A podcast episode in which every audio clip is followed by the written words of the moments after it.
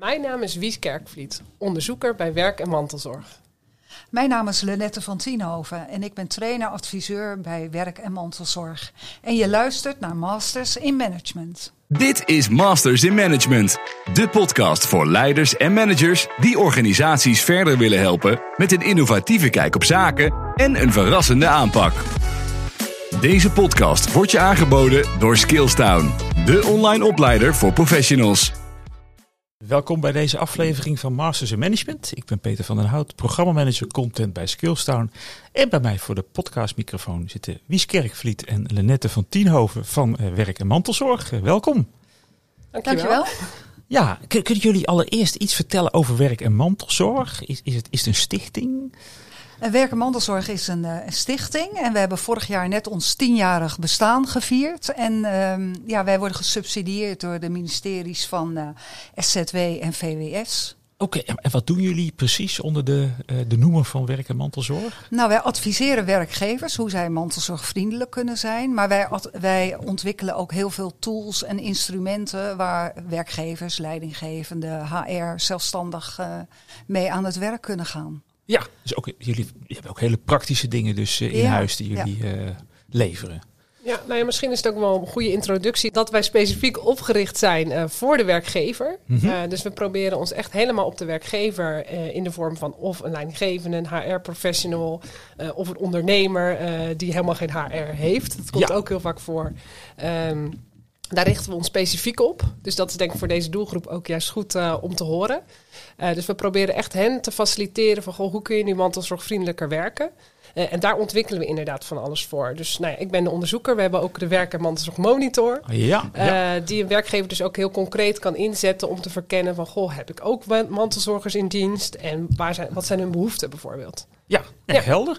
En, en nu komen jullie natuurlijk inderdaad, je gaf het net al aan, bij heel veel eh, organisaties over de vloer in Nederland. Ja. En even heel erg in het algemeen, als je gaat kijken naar eh, hoe er wordt omgegaan met, met mantelzorg op de werkvloer. Hoe staan we er dan voor in Nederland? Hoe, hoe kunnen we dat ja, schetsen? Ja, nou, dat is, ehm, dat is natuurlijk eh, eh, altijd de vraag hè, van hoe, hoe gaan werkgevers met mantelzorg om. Dat weten we natuurlijk lang niet altijd. We hebben inmiddels wel 400 werkgevers die erkend mantelzorgvriendelijk zijn. Ja, En er zijn natuurlijk ook heel veel werkgevers die heel veel goede faciliteiten hebben voor mantelzorgers. Maar niet het, eh, ja, de erkenning bij ons eh, eh, behaald hebben. Maar toch wel een hele goede werkgever zijn. Maar wij hebben de missie om heel Nederland mantelzorgvriendelijk te maken. Uiteraard. Ja. Ja.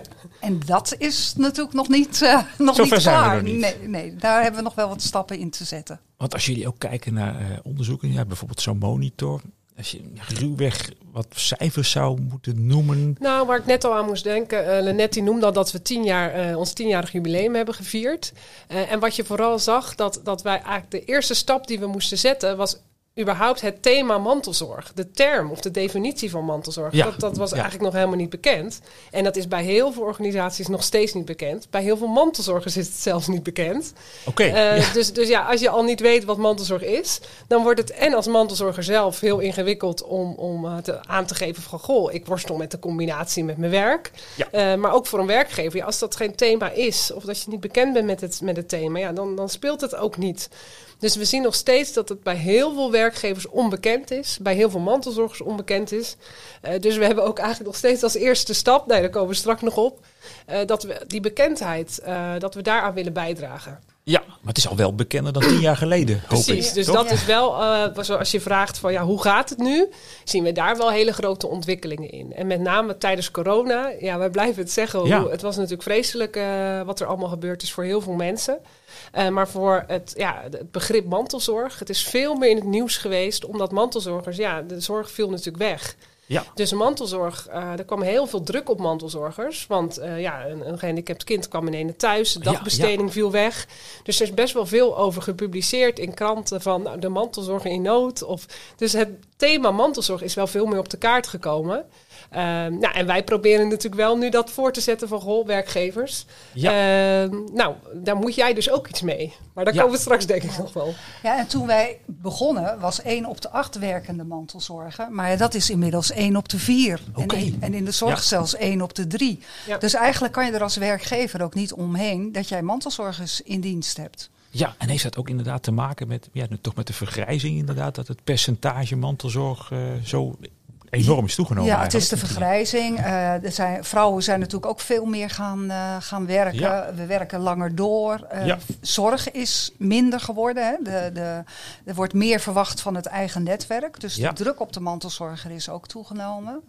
En nou ja, de participatiesamenleving, hè, dat iedereen uh, meedoet met, uh, met werk. Maar ja. ja. dat betekent dat er ook minder tijd over is om te mantelzorgen. Ja, ja mensen zijn of kinderen zijn verder weg van hun ouders gaan wonen. Dus ja. ja. het is allemaal anders geworden vergeleken met tien jaar geleden. Ja, die optelsom die verklaart natuurlijk ja. wel deze enorme toename. Mensen blijven ook langer thuis wonen natuurlijk. Dus, dus bijvoorbeeld een bejaardentehuis wat je vroeger had, nou dat is al veel minder.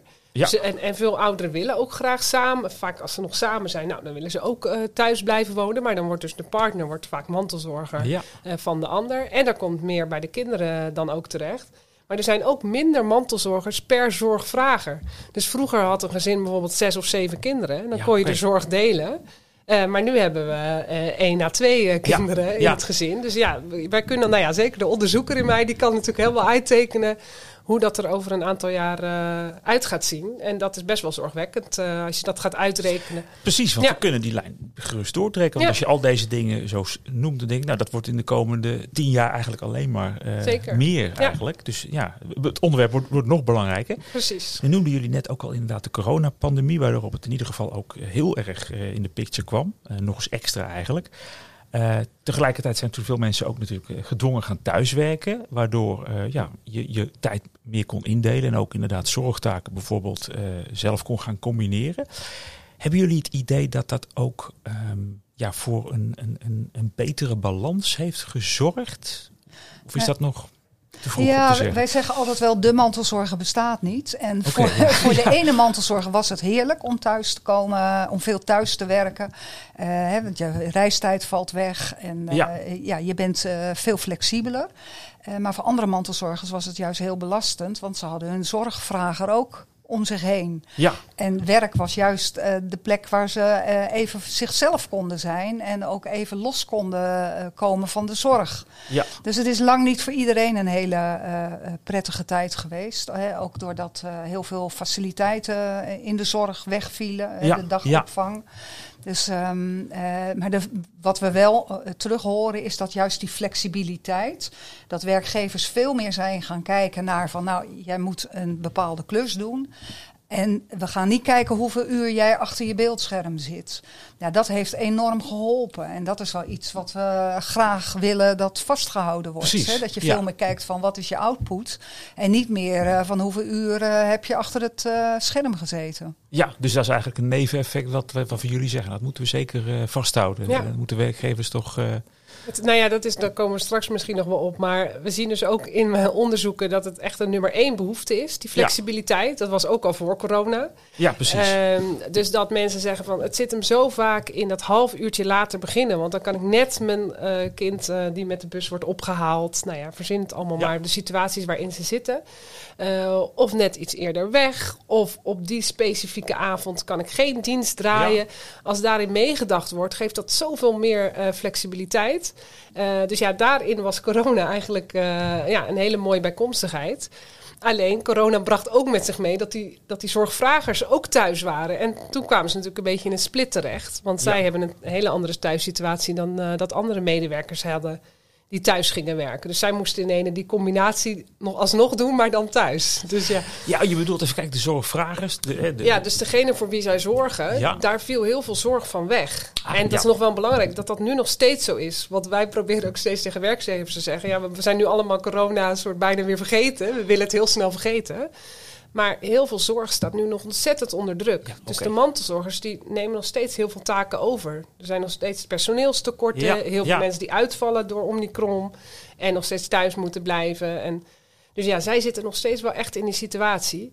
En als er dan nu toch weer steeds meer wordt verwacht van nou, we gaan allemaal weer naar kantoor. Ja, dat is voor een uh, mantelzorger wordt er wel heel zenuwachtig van. Ja, ja, dus dat horen we veel terug. Ja, nee, dat is goed om dat toch uh, aan te stippen. Van dat, dat, ja, dat dat nog een groot knelpunt is. Dat Precies, dat de zorg is echt nog wel ontzettend overbelast. En ja, als de zorg er niet is, dan komt het op die mantelzorger terecht. Ja. ja. Zijn, zijn er nog andere knelpunten? Want dit is, nee, het zijn wel nou, duidelijke knelpunten natuurlijk. Wat, wat wel een mooi uh, bijkomstigheid is geweest, is dat natuurlijk ook de scholen dicht gingen. Dus er waren ook veel werknemers die hun kinderen thuis hadden. Dus het begrip over en weer is wel groter geworden. Want iedereen zat toch een beetje in hetzelfde schuitje. Ja. Want ja, Of, of je nou voor iemand uh, uh, moet zorgen of dat je je kinderen les moet geven. je, je, je moet meer dingen doen. Uh, terwijl ja, je hebt maar zoveel uren in een, in een dag. Dus heel veel werkgevers zijn hun werknemers ook wel tegemoet gekomen door te zeggen van je hoeft niet ook alle avonden en in de weekenden te gaan werken om het te compenseren. maar doe wat je kan. En uh, die hebben een, uh, sommige werkgevers hebben een speciaal nummer, uh, een tijdschrijfnummer in, de, in leven geroepen. Zo van daar mag je alle uren dat je niet werkt opschrijven. En het gaat erom dat je probeert om zoveel mogelijk te doen.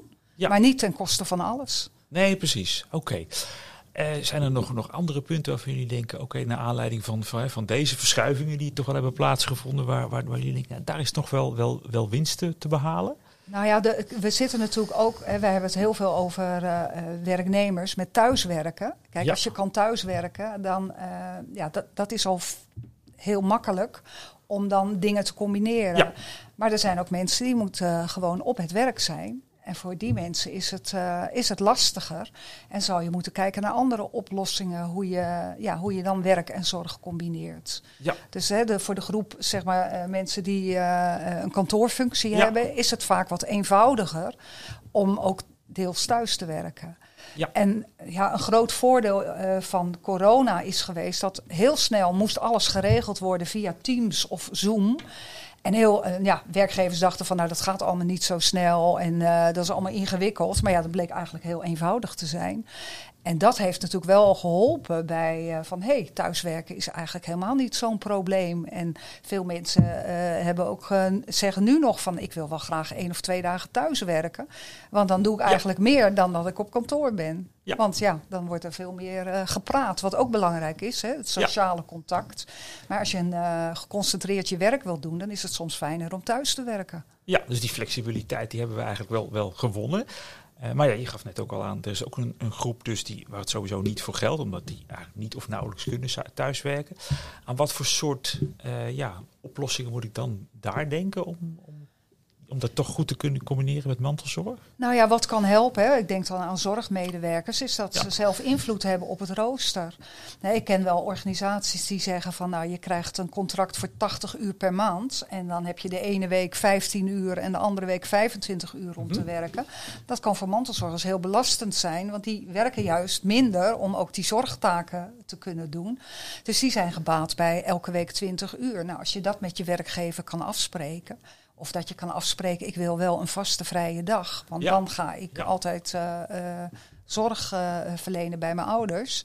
Of dan heb ik mijn kind met een beperking thuis. Ja, dat, dat helpt al enorm. Ja, dus eigenlijk is het ook wel weer flexibiliteit en de mogelijkheid om daarover te praten met je werkgever is hier ook key eigenlijk. Ja, ja, en het is ook eh, vaak helemaal niet zo ingewikkeld als je er maar uh, met elkaar over in gesprek gaat. En soms zijn de hele creatieve oplossingen uh, ja, zo gevonden. Hè. Ik, ik, ik weet van ouders met een kind met een beperking dat die het hele jaar door meer uren maken die hebben bijvoorbeeld een contract van 30 uur per week, maar die werken standaard 40 uur per week. Ja. Maar die hebben wel alle schoolvakanties vrij. Dat hebben ze met hun werkgever kunnen regelen. Dus ja, zo zou iedereen, uh, als die erover nadenkt, wel tot een oplossing kunnen komen. Wij, ja, wij zeggen eigenlijk ook altijd. Uh, uh, er is altijd een oplossing te vinden. Ja. En soms is het niet alleen in het werk hoor, dat, dat zeggen we ook. Soms moet je kijken of je in de thuissituatie meer kan regelen. Ja. Hè, of daar meer zorg ingeschakeld kan worden. Dus dan geldt het ook dat als werkgever dat je eigenlijk ook buiten de grenzen van, van puur van het werk moet gaan kijken met die werknemer. Ja, je hoeft het niet te gaan oplossen, maar je kan wel zorgen als werkgever dat je weet waar die mantelzorger terecht kan. En het is uh, uh, ja, ook, ook met elkaar goed in gesprek van wat is de speelruimte van de werkgever. Hè? Want die heeft een bedrijf, er moet winst gemaakt worden of productie. ja. Hè, daar is die werkgever ook verantwoordelijk voor. Dus daar, daar moet je, dat, ja, dat, dat is ook een gegeven. En als dan de mogelijkheden qua werkoplossingen uh, ja, beperkt zijn, uh, en of, of eigenlijk opgerekt, hè, ja. meer is niet mogelijk. kijk vooral ook van wat kan er in de zorg geregeld worden. En dan kan het al heel erg helpen als een werkgever aangeeft van joh, je kan terecht bij de gemeente, bij het WMO-loket of je kan terecht bij een mantelzorgmakelaar en die kunnen jou ondersteunen. Dus je hoeft dat als werkgever niet over te nemen. Hè? Want okay. daar zijn werkgevers wel weer bang voor. Van ja, maar dan moet ik het gaan oplossen. Ja. Nee, maar je moet wel zorgen dat je weet waar die medewerker terecht kan met zijn hulpvraag. Ja, dus ook een doorverwijsfunctie is al heel erg nuttig. Dus belangrijk om dat ook te weten. Uh, nou ja, jullie beschrijven op jullie website ook eigenlijk vier uh, ja, hoofdstappen om tot een mantelzorgvriendelijke organisatie te komen. De eerste stap, en die kwam net ook al wel een beetje voorbij, is, het, is bespreken, het bespreekbaar maken. Als ik nu even ook de draai maak naar de, de, de doelgroep van, van deze podcast, de leidinggevende. Ja, welke rol spelen leidinggevenden volgens jullie bij het bespreekbaar maken van het, van het onderwerp? Waarom is het zo belangrijk eigenlijk? Nou ja, het sluit wel aan bij uh, wat ik net nog wilde toevoegen. Uh, dat we ook door corona juist een switch hebben gezien van in dat bespreekbaar maken.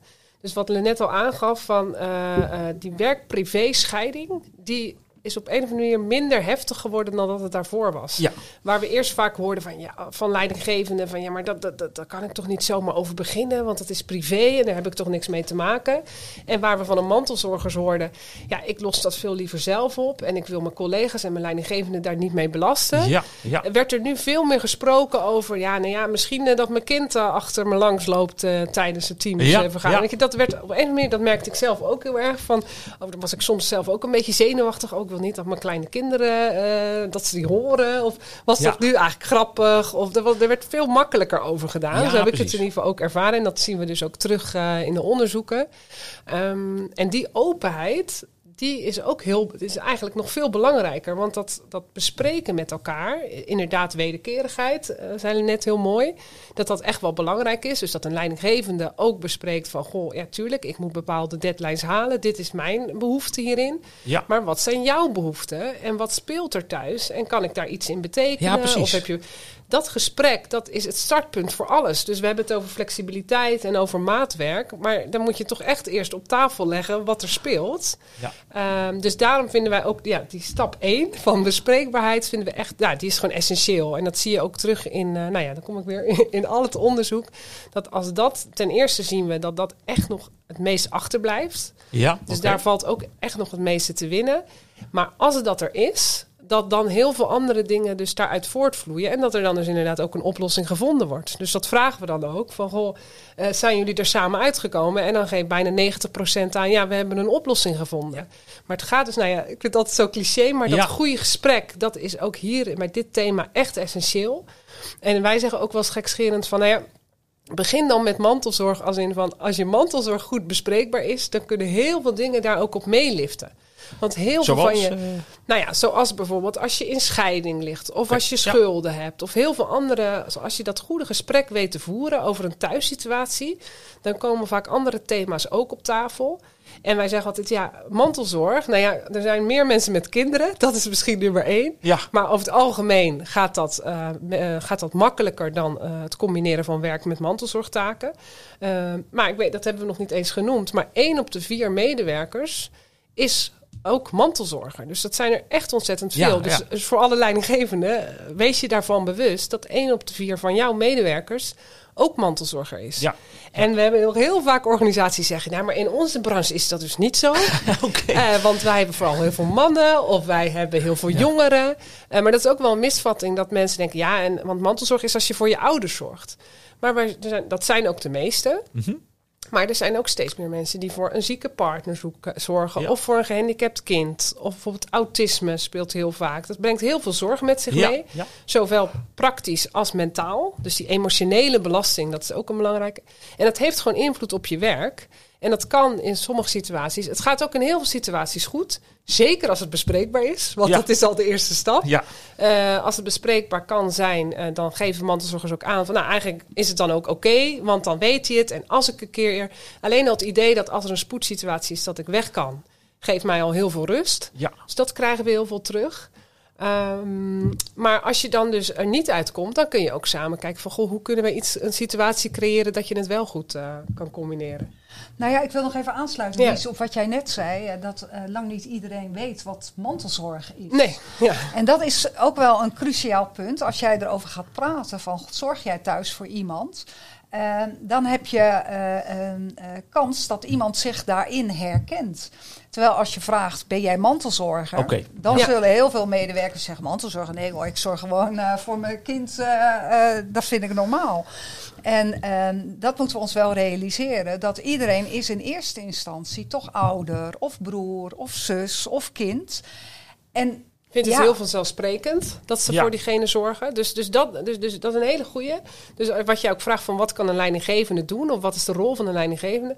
Dat, dat die bijna al, doordat hij wel die kennis tot zich neemt... door bijvoorbeeld deze podcast... eh, dat ervan van bewust zijn van... nou ja, mijn medewerker die is zich daar wellicht helemaal niet van bewust. Ja. Dat dat bepaalde extra... of dat er mogelijkheden zijn... en dat we daarvoor openstaan als werkgever... om dat gewoon eh, om te kijken samen... hey, kunnen wij je daarin ondersteunen? Maar stel de vraag dus breed. Van, Ja. van ben jij meer een mantelzorger? nee. Maar hey, heb jij zorg voor bepaalde mensen in jouw omgeving? Ja. ja. Is er, nou ja, is, er, is er een situatie thuis wat, wat, wat, wat bepaalde behoeften bij jou oproept? Dus nou ja, Ja. En, en wat we ook altijd wel als tip geven van... Stel dat je zelf iets hebt meegemaakt, of als je zelf, dat werkt altijd heel goed. Dus als Ah, je als leidinggevende je kwetsbaar opstelt en aangeeft van goh, een keer in een teamoverleg of een ander moment eh, van ik wil iets met jullie delen, dit speelt bij mij, dan horen we heel vaak terug dat, dat teamleden ook dat als soort Ja. als opening hebben ervaren van hé, hey, dit is dus bespreekbaar bij Ja, ons. ja.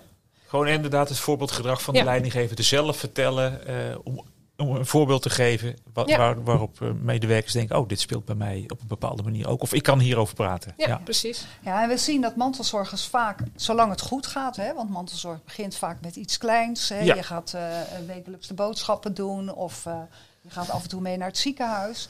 Eh, maar zeker bij bepaalde ziektes, hè, zoals dementie of Parkinson of niet aangeboren hersenletsel of een kind met een beperking, hè, wat naarmate een kind ouder wordt zwaarder kan worden, zeker in de puberteit.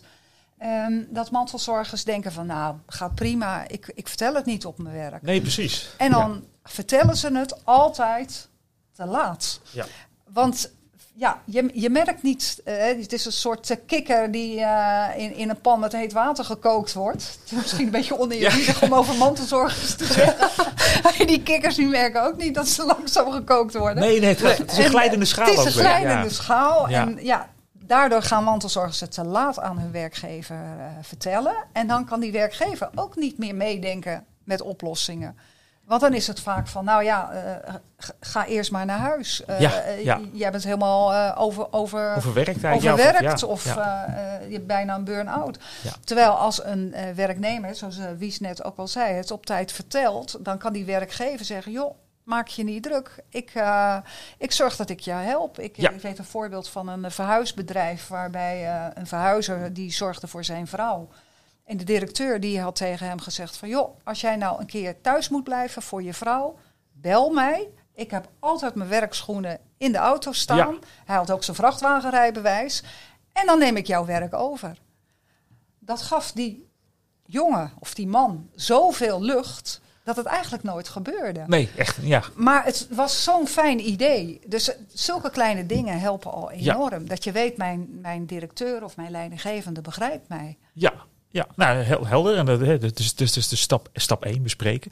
Stap 2 noemen jullie beschrijven. En eh, dan verwijzen jullie ook wel naar, naar wet en regelgeving en naar organisatiespecifieke regelingen die er in veel, zeker in grotere organisaties wel zijn. kunnen jullie kort inderdaad de belangrijkste regels op dit gebied schetsen? Want ik kan me ook voorstellen dat werkgevers of, of, of HR-verantwoordelijken denken van oké, wat is de basis waarop uh, we terug kunnen vallen als het ware? Ja, nou er zijn eigenlijk wettelijk zijn er al heel veel verlofregelingen bepaald. Alleen die worden vaak ook niet gelinkt aan mantelzorg. Dus dat, dat je die ook kan inzetten voor mantelzorg. Dus daar kom je weer in de definitie en in van hé, hey, dit, dit hebben wij beschikbaar voor mantelzorgers. Ehm, dus daarom zeggen wij ook vaak in die tap, stap van bespreekbaar maken en beschrijven, goh, richt bijvoorbeeld iets in op intranet waar dat te vinden is. Dus dat mensen die link ook leggen en dus bekend zijn met hé, hey, dit zijn regelingen die we ook hiervoor kunnen inzetten. Dus het zit ook heel erg in die koppeling aan uh, mantelzorg.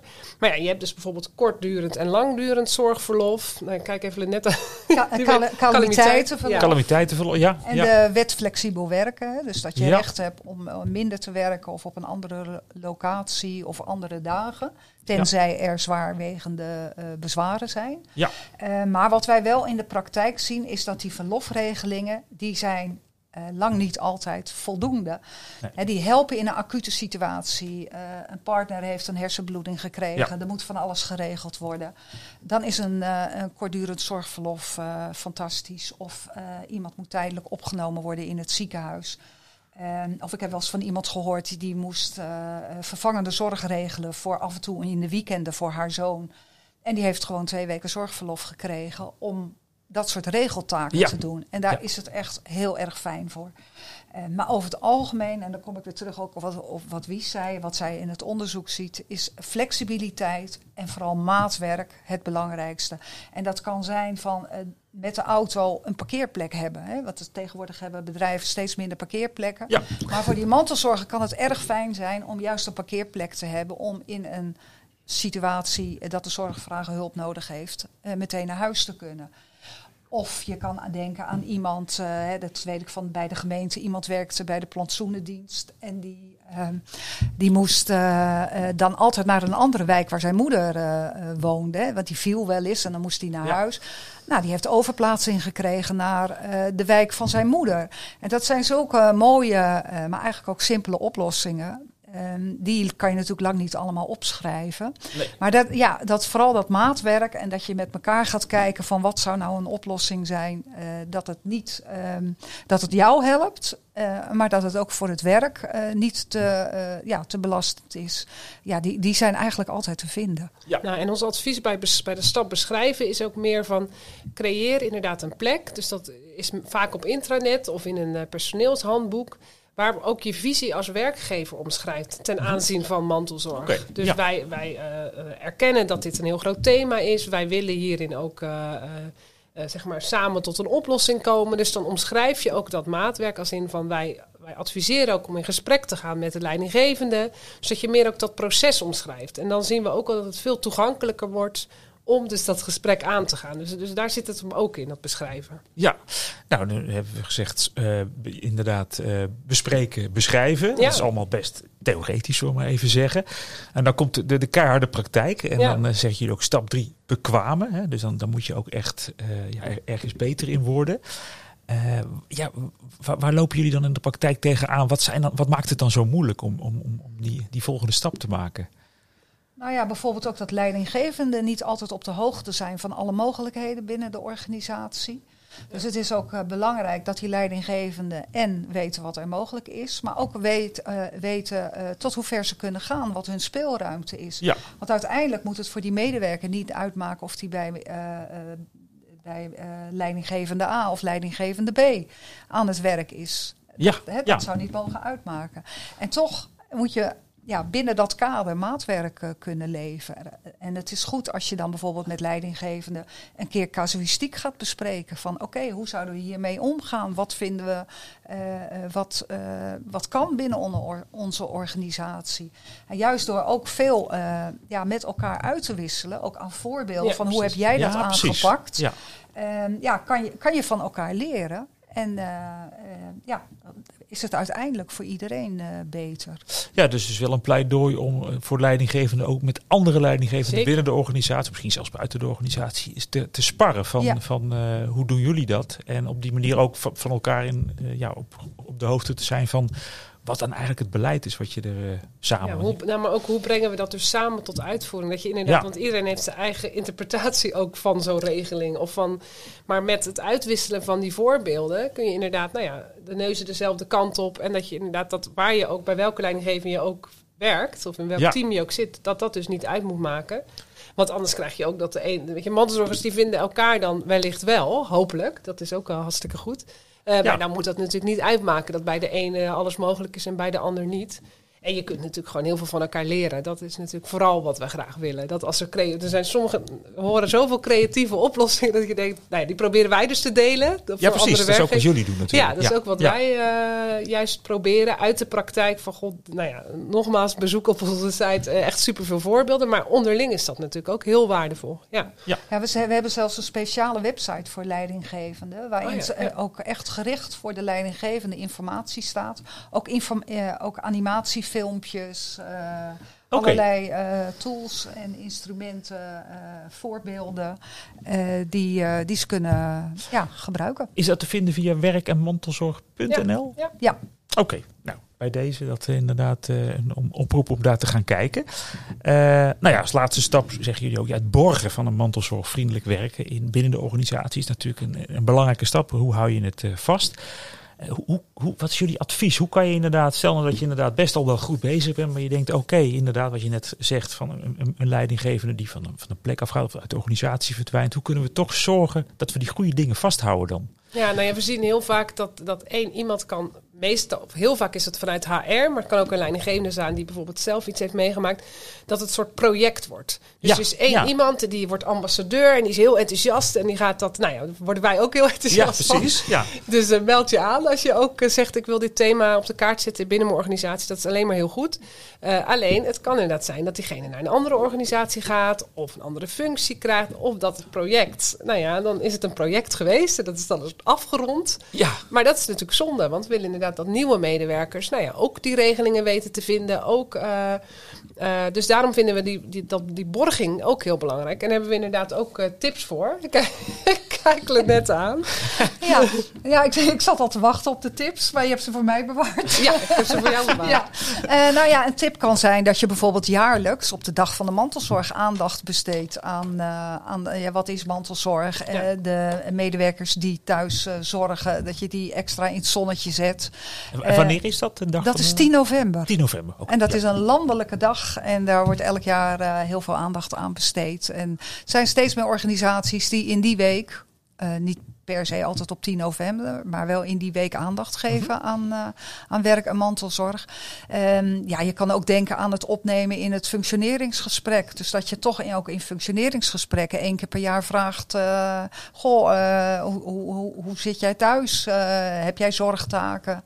Ehm, of tijdens teamoverleg dat een leidinggevende dat wel één keer per jaar denkt van, nou, ik, ik ga toch eh, eventjes eh, nog eens onder de aandacht brengen dat wij Ja. dit als organisatie belangrijk vinden, dat medewerkers kunnen zorgen. Ehm, Bij ja, nieuwe medewerkers kan het ook Ja. goed. Je ziet toch vaak dat ze bijvoorbeeld flyers meekrijgen bij sollicitaties of, of eh, bij hoe noem je dat, onboarding Ja. gesprekken. Eh, dus dat zien we ook vaak, dat daar dan ook een deel over mantelzorg is opgenomen. En wat dan de visie is van de organisatie, waar ze terecht kunnen voor meer informatie. En dus, dus dat zijn wel manieren waardoor het ja, toch meer geborgd is eh, Ja. binnen Ja. de organisatie. Ja, en het mooiste is als je toch één persoon eh, Ja. eh, hebt die zich daar verantwoordelijk voelt. En dat kan een, eh, een hele actieve mantelzorger zijn. Dat heb ik ook Ja. wel eens gezien. Hè, dat er iemand zegt van ja, maar ik zal zorgen dat ik elk jaar eventjes eh, weer aan de bel trek eh, bij, eh, bij HR. Kan ook iemand uit de OR zijn. Hè. Het is Ja. ook, ook altijd een heel goed idee om de OR te betrekken Mhm. bij eh mantelzorgvriendelijk werken. En ehm, ja, dat is denk ik wel het belangrijkste. En, Ja. en wat Wies ook al zei, hè, een speciale pagina over eh, mantelzorg op intranet of eh, in je personeelshandboek. eh, Ja. Zodat iemand weet van, oh wacht, dit, dit geldt er allemaal voor mantelzorgers. Want mantelzorgers zijn eigenlijk zoveel tijd kwijt al met regeltaken, eh, met de gemeente, met de zorgverzekeraars. En dan is het fijn als het op het werk makkelijk vindbaar is. Want vaak is er al heel veel bij werkgevers. Maar eh, ja, is het onduidelijk eh, dat je daar eh, gebruik van kan maken. Ja. gewoon dat overzicht, dat is gewoon heel fijn. En dat dat up-to-date blijft. Want dat past nog wel bij, bij het bekwamen. dat het niet alleen gaat over het bekwamen van zo'n leidinggevende, maar ook van die mantelzorgers. Dus wij hebben, nou ja, we zijn net al, we hebben uh, een platform voor uh, leidinggevenden, maar we hebben ook een platform voor mant werkende mantelzorgers. Waar dus een leidinggevende inderdaad, zoals jou aangaf, gewoon naar kan verwijzen. Dus als dat bijvoorbeeld op, dat, op zo'n pagina aangegeven staat van... goh, je kan naar Mantelzorg Power, heet het. Oké, ja. Uh, maar kun je ook vinden via onze eigen site. En daar, ja, alleen al die verwijzing kan een mantelzorger heel erg helpen. En als die informatie daar gewoon altijd staat... dan kunnen nieuwe mantelzorgers, nieuwe medewerkers dat natuurlijk ook vinden. Ja. ja, nu hebben we inderdaad al een paar keer voorbeelden gegeven waarbij dan een leidinggevende in gesprek gaat met een medewerker, ja. niet met, met mantelzorgzaak. Maar het kan natuurlijk ook zo zijn dat die leidinggevende zelf degene is die ja. in een toenemende uh, mantelzorgtaken terecht aan het komen is. Wat is jullie advies eigenlijk hoe die dat dan binnen het team bespreekbaar moet maken? Is dat anders dan. Hij zit natuurlijk, hij of zij zit in een andere positie, maar nou ja, ik denk dat het goed is dat die leidinggevende ook openheid uh, geeft. Uh, want ja, je wilt, uh, je kan heel goed het goede voorbeeld geven. Ja. Dat je dus over je privézaken wel kan praten. Dat betekent niet dat iemand zijn hele, het hele medische dossier van degene waar die verzorgt hoeft bekend te maken. Nee, je kan daar heel zelf je woorden in kiezen en, en, en, en, en alleen vertellen wat je echt kwijt wil. Maar dat kan voor die medewerkers uit jouw team ook helpen dat ze weten van, oh, mijn leidinggevende, die, die heeft ook met mantelzorg te maken. En uh, geeft ook begrip hè, dat ja. die leidinggevende misschien even een keer geen tijd heeft of eerder weg moet. Terwijl je anders altijd gewend was dat hij er uh, tot s'avonds laat zat, bij wijze van spreken. Nou, precies. Ik kan me misschien ook voorstellen dat een leidinggevende ook tijdelijk bepaalde taken ook, uh, ook ja, zeg maar, daar, die, die, die bij iemand anders belegt. Ja, ja. ja ik ken, ik, wij kennen ook wel verhalen hoor van een leidinggevende die gezegd heeft van nou, ik ben nu zo druk met mantelzorgtaken. Ja. Ik wil tijdelijk ander werk doen. Ja. En dat is ook geregeld binnen de organisatie. En toen de man, dat was duidelijk dat daar een, uh, ja, een bepaalde termijn uh, aan, uh, aan zat, aan die, ja. aan die mantelzorgtaken. En die heeft daarna zijn oude functie weer teruggekregen. Ja. Dus dat, is, dat zeggen wij ook al wel, ook tegen mantelzorgers. Want die zijn geneigd om te zeggen, nou dan ga ik wel minder werken. Maar ja, dat heeft allerlei consequenties. Hè? Dat trouwens ook voor een leidinggevende, voor je pensioen, voor je uitkering. Dus wij zeggen altijd, probeer afspraken te maken dat je tijdelijk uh, teruggaat in uren of terug in functie. Ja, maar dat je ja. wel zwart op wit hebt staan dat je ook weer terug mag komen in die functie. Juist. Want ja, ja dat, dat geeft ook lucht als je dat weet. En dat maakt de drempel lager om ook zo'n beslissing te nemen. Ja. Ja, nee, en ik, ik vind het ook wel heel belangrijk in dit kader dat, dat, dat we echt hele verschillende behoeften ook horen.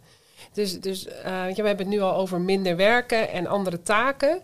Maar we horen ook zo duidelijk terug van zo'n mantelzorger die bijna het, het, het stigma uh, uit wil schreeuwen van, van ja, maar ik wil zo graag blijven werken. En ik wil Ja. zo graag gewoon blijven doen wat ik altijd deed. Dat geeft mij voldoening. Dus daarom vind ik het nog wel belangrijk om dat te noemen. Ehm, dus dat het zo belangrijk is dat dat is ook weer een leidinggevende, maar dat kan natuurlijk ook de leidinggevende van een leidinggevende zijn.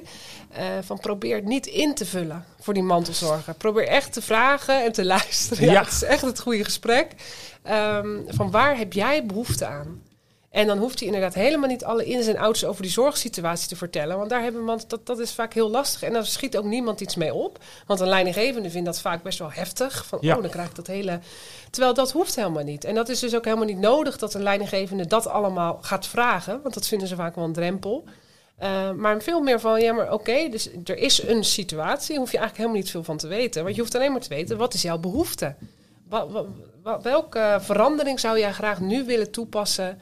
En ook periodiek afstemmen van is dit nog steeds waar jij behoefte aan hebt? Of, want de situatie verandert ook heel erg. Nou, dat is die glijdende schaal eh, waar we het net over hadden. Ja. Dus die periodieke afstemming is uh, daarin ook heel belangrijk. Zeker. Nou, na de volgende mededeling praat ik met Wies en Lenette over de grootste successen en missers op het gebied van mantelzorg en werk. Dus blijf vooral luisteren. De moderne manager moet van alle markten thuis zijn en continu blijven leren. Met de online trainingen uit het Get Skilled Manager abonnement ben je altijd up-to-date. Ga voor meer informatie naar www.skillstaan.nl slash manager. Successen en missers. Ja, wat, wat zien jullie eigenlijk als het grootste succes dat jullie hebben bereikt in, uh, met werk en mantelzorg in de afgelopen tien jaar? Ja, nee, je had, je had ons al een beetje voorbereid. Dus we, we moesten wel wel lachen natuurlijk dat we dat dan over onszelf eh, gingen zeggen. Uh, maar ik moest gelijk denken aan, uh, we hadden een jubileumcongres uh, afgelopen jaar, dus omdat Oké. we tien jaar bestonden. Ja. en nou ja, we zijn natuurlijk op allerlei verschillende niveaus actief. Dat is ook, ook wel leuk natuurlijk, maar ook heel erg een uitdaging. Maar toen is het gelukt om eigenlijk alle sociale partners, dus we hadden de vakbonden van CNV, dus Ja. namens de medewerkers, we hadden VNO, NCW en MKB Nederland. Eh, we hadden Human Capital vanuit de Arbo-dienst. Eh, we hadden eh, de ministeries, hadden we allemaal aan één tafel, dus afgevaardigden daarvan. En Sander Schimmelpenninck, nou die kan natuurlijk best wel kritisch zijn, Ja, maar dat was eigenlijk ja. heel leuk. Die leidden het gesprek. En dat ging heel erg over ja, de gezamenlijke verantwoordelijkheid die we eigenlijk als maatschappij gewoon hebben. En wie daarin nu welke rol kon pakken en hoe ze daar samen in stonden. Nou, en daar, daar hebben wij wel heel erg van genoten dat we eigenlijk die partijen allemaal aan één tafel letterlijk hebben gekregen. Ehm, en dat, dat daar ook een soort consensus heerste van over die bespreekbaarheid. En over dat je er dan altijd samen wel uitkwam. En dat daar, eh, nou ja, dat daar echt een gedeelde verantwoordelijkheid werd genomen. Ehm, nou, dat, dat vond ik wel een hele, een hele mooie. En natuurlijk is dat dan op, op zeg maar politiek niveau. En kregen we daar ook wel vragen van... ja, wat betekent dit dan in de praktijk? Maar ja, ik vond dat wel een heel mooi eh, nou, succes. Ja. En natuurlijk eh, blijft het, nou ja, zeker voor mij persoonlijk, ik ben heel praktisch ingesteld. Dat je denkt, nou ja, al spreken we een MKB'er die eerst zei van ja, maar ik heb, eh, ik heb, ik heb helemaal geen HR-adviseur en ik doe dit allemaal zelf. En wat moet ik ermee? Dat je daar iets weet te bewerkstelligen, ja, dat geeft mij zelf altijd heel veel voldoening. eh, ja, eigenlijk het kleine dus. eh, Ja. ja. Ja, Ja, maar ook we hebben ook een mooie eh, samenwerking gehad met Wijtechniek en Techniek Nederland. En eh, met een eh, als branche. Ja. als, als branche. en met, met, met een aantal organisaties. ook met eh, eh, een partner die ook actief is op eh, werk- en mantelzorg. Jong en Veer hebben we een gezamenlijk project gedaan. Er zijn mooie videofilmpjes gemaakt. Hoe zij eh, eh, eh, als leidinggevende en medewerker tot een oplossing zijn gekomen. En we hebben factsheets gemaakt speciaal eh, voor die eh, eh, branche. Dus dat, dat zijn ook mooie voorbeelden van hoe wij graag samenwerken met andere partijen. Want Ja. wij kunnen het niet alleen. Wij zijn een klein team en wij hebben andere partners nodig. Ja, en als dat dan lukt, ja, dat, dat vinden wij echt super. Dus dat is wel de insteek die we nu ook weer hebben van ja, samenwerken met andere hè, werkgevers die zeggen van oh, maar ik ken nog bij mij op het bedrijventerrein, ik ga die andere werkgevers ook uitnodigen om over werk en mantelzorg eh, te praten. Ja, dat hebben wij nodig. En dat, eh, ja. Dat zijn duidelijk de succes. Die zitten duidelijk ook in de samenwerking. Ja. Ja. En als jullie nu kijken in eh, de bedrijven waar jullie allemaal zijn gekomen, en wat zijn de grootste missen die jullie in de praktijk zijn tegengekomen? Ja, nou, daar zaten we natuurlijk ook over. Nou, het deed mij heel erg denken aan, aan de misvattingen die er nog heel vaak zijn. eh, waar we wel keer op keer tegenaan lopen. En dan is dat zeker, ja, kom ik weer met, dat is zeker met onderzoek kan je het altijd lekker onderuit halen. Want we hadden dus heel concreet ook weer een bedrijf die zei, nou, maar bij ons, wij hebben gewoon geen mantelzorg. Nou, dan heb ik er natuurlijk al helemaal zin in. Dus toen hebben we gezegd, nou, kunnen we bij jullie de monitor uitzetten? Eh, dat doen wij ook allemaal tegen kostprijs, dus dat is eh, heel toegankelijk. En toen bleek dat ook bij hen ruim 1 op de 4, eh, dus zij scoorden zelfs nog boven gemiddeld. Nou, en dan vind ik dat dus heerlijk om dat terug te geven en echt een trigger te kunnen geven van wees je hier nou van bewust. Ja. Eh, dus, dus dat onderuit te halen vind ik heel mooi. En bijvoorbeeld ook dat er ve- veel angst is. Ja, maar oh, als ik hiermee aan de slag ga, ja, dan gaat iedereen verlof opnemen. Hmm. Dat is ook echt een misvatting. Eh, en dan kan ik ook mooi natuurlijk laten zien, nou ja, maar 17% van de mantelzorgers maakt gebruik van verlof. En dat is dan dus heel erg tijdelijk. Dus daar Ja. zit het hem niet in. En dus daar moest ik heel erg aan denken qua... Nou ja, en dat leidinggevende denken, als ik daar met mijn medewerker over ga praten, dan moet ik het probleem oplossen. Hmm. Maar dat is gewoon niet zo. Je gaat gewoon in gesprek en je vraagt inderdaad, hè, zoals wie al eerder zei, van wat is jouw behoefte? Waar kan ik jou bij helpen? Ehm, wat heb je nodig? Ja, En desnoods doorverwijzen, hè, want het kan zijn dat iemand in de zorgsituatie meer hulp moet eh, inschakelen. Maar het kan ook zijn dat iemand zelf eh, eh, bijvoorbeeld meer moet weten over het ziektebeeld van degene waarvoor die zorgt. Of eh, misschien coaching nodig heeft om ook iets nee te leren zeggen. Want dat is soms ook best ingewikkeld. Of uh, je komt mantelzorgers tegen die zich ontzettend schuldig voelen als zij iets leuks gaan doen. En niet naar degene gaan waar ze voor zorgen. Nou ja, hoe ga je daarmee om? Dus het, het is een hele mix van of op het werk of in de zorg of de persoon zelf. Waar uh, ja, ondersteuning geboden kan worden. En dat hoeft die leidinggevende niet zelf te doen. Dat is een hele geruststelling. De gouden management tip. Ja, welke belangrijke tip hebben jullie tot slot nog voor managers en leidinggevenden die dus mantelzorg vriendelijker willen gaan uh, worden? Want, uh, want daar hebben we het nog niet over gehad, maar dat kunnen we aanvragen op jullie hè, om, uh, ja. om, om, dat te laten toetsen, hoe mantelzorgvriendelijk ja, nou ja, dat toetsen, dat, dat, daarom moet ik al lachen, want we hebben inderdaad een erkenning in het leven geroepen, ja. maar dat is meer een aanmoedigingsprijs. Okay, ja. dus wij zijn niet gecertificeerd, we gaan niet kijken met allemaal credit, hoe noem je dat? Creditaties, of je aan alles voldoet. Accreditaties, dank je. Uh, dus dat is het niet. Het is meer dat we inderdaad die vier stappen, dat kun je ook vinden op onze site. Uh, van, goh, goh, ben je daar voldoende mee bezig? Geloven wij in, uh, nou, of zien wij dat dit inderdaad geborgd is, zodat het langere termijn visie heeft? En, en dan kun je dus de erkenning krijgen. Um, en daarmee kun je dus inderdaad natuurlijk ook even intern, maar ook extern op de kaart zetten. Van hé, hey, ik ben hiermee bezig, ik vind dit belangrijk. Dus dat is heel erg wat die erkenning inhoudt. Um, en nou ja als je het daar dan ook over hebt, moet ik ook aan denken van die erkenning moet ook niet hetgeen zijn waarvoor je het doet. Maar we willen wel meegeven dat het ook voor een werkgever heel waardevol is, dat het echt loont. Dus, dus het is niet alleen uh, wat we steeds meer zien van goh, uh, wij willen uh, maatschappelijk verantwoord ondernemen en we willen hiermee bezig zijn. Ja. Want waarom is het ook heel interessant. Wij zien gewoon echt in de cijfers, nou, dat werd net al een beetje aangehaald, uh, dat uh, werkende mantelzorgers, waar, uh, die dus in een zorgsituatie terechtkomen, meer stressklachten hebben, meer lichamelijke klachten, concentratieproblemen, moe, veel vaker moe. Dus wij zien al voordat iemand überhaupt verzuimt, maar ja, daar kan ik straks nog meer over vertellen, maar daar zien we dus ook heel, veel gebeuren. Um, waar, wat voor een werkgever gewoon negatief uitwerkt. Want mensen worden gewoon minder productiever. Uh, terwijl als we zien dat er wel aandacht aan besteed wordt, zijn mensen proactiever, loyaler, uh, gemotiveerder. Dus dan brengt het allerlei positieve. We hebben gewoon met onderzoek uh, aangetoond dat dat zo is. Ja. En we zien zelfs dus, nou ja, als je het over verzuim hebt, dat 17 procent van het verzuim is mantelzorg gerelateerd. Mm. Dus dat is echt voor een werkgever ook gewoon heel interessant. Kijk, dat wordt nergens bij een arbo-arts aangegeven... oh, dit, uh, dit verzuim kwam door mantelzorgtaken... want het wordt vaak niet besproken. Uh, maar dat is dus nu wel door CZ aangetoond van... Daar zit dus wel degelijk een heel groot percentage uh, mantelzorgers bij... die gewoon overbelast zijn geraakt. Dus dat vind ik ook wel belangrijk om mee te geven. Van het is niet alleen uit goede wil van ik ben goed voor mijn medewerkers... maar ook ja. als werkgever en als leidinggevende levert het je gewoon heel veel op. Ja, dus dat is wel een belangrijke tip. Ja. ja, en zeker in deze tijden van krapte op de arbeidsmarkt ja, ben je een aantrekkelijke werkgever. Want als jij goed bent voor je mantelzorgers, dan zit je waarschijnlijk ook op andere gebieden ja. wel uh, goed.